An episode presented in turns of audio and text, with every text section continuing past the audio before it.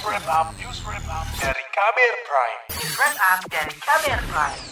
Enam bulan lalu, pemerintah mengeluarkan peraturan presiden tentang rencana aksi nasional pencegahan dan penanggulangan ekstremisme. Bulan ini, rencana aksi itu resmi diluncurkan meski sebelumnya perpres ini menimbulkan polemik. Seperti apa upaya-upaya yang akan dilakukan? Berikut laporan khas KBR dibacakan Reski Mesanto. Bahwa terorisme adalah kejahatan terhadap kemanusiaan dan tidak ada kaitannya dengan agama apa pun. Semua ajaran agama menolak terorisme apa pun alasannya. Saya juga ingin menegaskan kembali bahwa tidak ada satupun agama yang mengajarkan penganutnya untuk melakukan ekstremisme dan terorisme. Itu tadi Wakil Presiden Maruf Amin saat memimpin peluncuran pelaksanaan Peraturan Presiden Nomor 7 Tahun 2021 tentang Rencana Aksi Nasional Pencegahan dan Penanggulangan Terorisme berbasis kekerasan yang mengarah pada terorisme pekan ini. Maruf Amin menyatakan sesuai amanat pembukaan konstitusi, negara bertanggung jawab melindungi segenap bangsa dan tumpah darah Indonesia dari berbagai ancaman termasuk terorisme. Peraturan presiden itu muncul dengan alasan saat ini semakin meningkat ancaman ekstremisme berbasis kekerasan yang mengarah pada terorisme.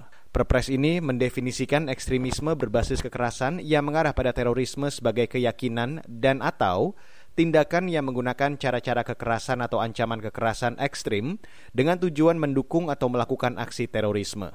Survei Badan Nasional Penanggulangan Terorisme atau BNPT menyimpulkan indeks potensi radikalisme di Indonesia pada tahun lalu mencapai angka 14 dari skala 0 sampai 100. Angka itu turun dari tahun 2019 yang mencapai angka 38.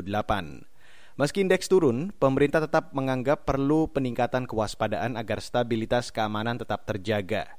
Kepala BNPT Boy Rafli Amar mengatakan, salah satu upaya kewaspadaan adalah dengan melaksanakan Perpres Rencana Aksi Nasional Pencegahan dan Penanggulangan Ekstremisme. Strategi dan program utama RAN PE dalam mencapai sasaran dituangkan dalam tiga pilar, yaitu satu pilar pencegahan yang terdiri dari kesiapsiagaan kontra radikalisasi dan deradikalisasi. Yang kedua, pilar penegakan hukum, perlindungan saksi dan korban, dan penguatan kerangka legislasi nasional. Yang ketiga, pilar kemitraan dan kerja sama internasional. Boy Rafli mengatakan, program rencana aksi nasional itu diturunkan menjadi sekitar 130-an rencana aksi yang dilaksanakan oleh berbagai kementerian, lembaga, dan pemerintah daerah. Rencana aksi juga akan melibatkan masyarakat termasuk para tokoh agama dan masyarakat. Rencana aksi nasional ini akan berlangsung hingga 2024 mendatang. Di antara upaya-upaya yang dilakukan antara lain menyusun alat atau sistem deteksi dini berbasis komunitas untuk mencegah ekstremisme yang bisa mengarah pada terorisme,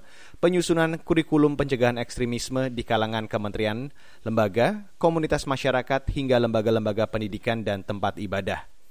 Selain itu, ada juga pelatihan moderasi beragama dan pencegahan ekstremisme bagi para penceramah keagamaan, jurnalis, lembaga penyiaran, serta para guru dan dosen di setiap jenjang lembaga pendidikan. Dalam rencana aksi ini, pemerintah juga akan membuat daerah percontohan untuk memperkuat daya tangkal terhadap ekstremisme. Selain itu, pemerintah akan memberikan penghargaan bagi masyarakat yang berpartisipasi melaporkan atau merespon ekstremisme. Lahirnya perpres ini bukan tanpa polemik. Pegiat hak asasi manusia Haris Asar menyebut, definisi ekstremisme yang belum jelas dikhawatirkan bisa menimbulkan konflik sosial. Bayangkan misalnya di satu tempat ada perkumpulan, tiba-tiba ada ada luapan emosi seseorang atau sekelompok orang yang memberikan kritik kepada negara. Lalu ada diam-diam di tempat acara tersebut melaporkan ini sebagai sebuah tindakan ekstremisme.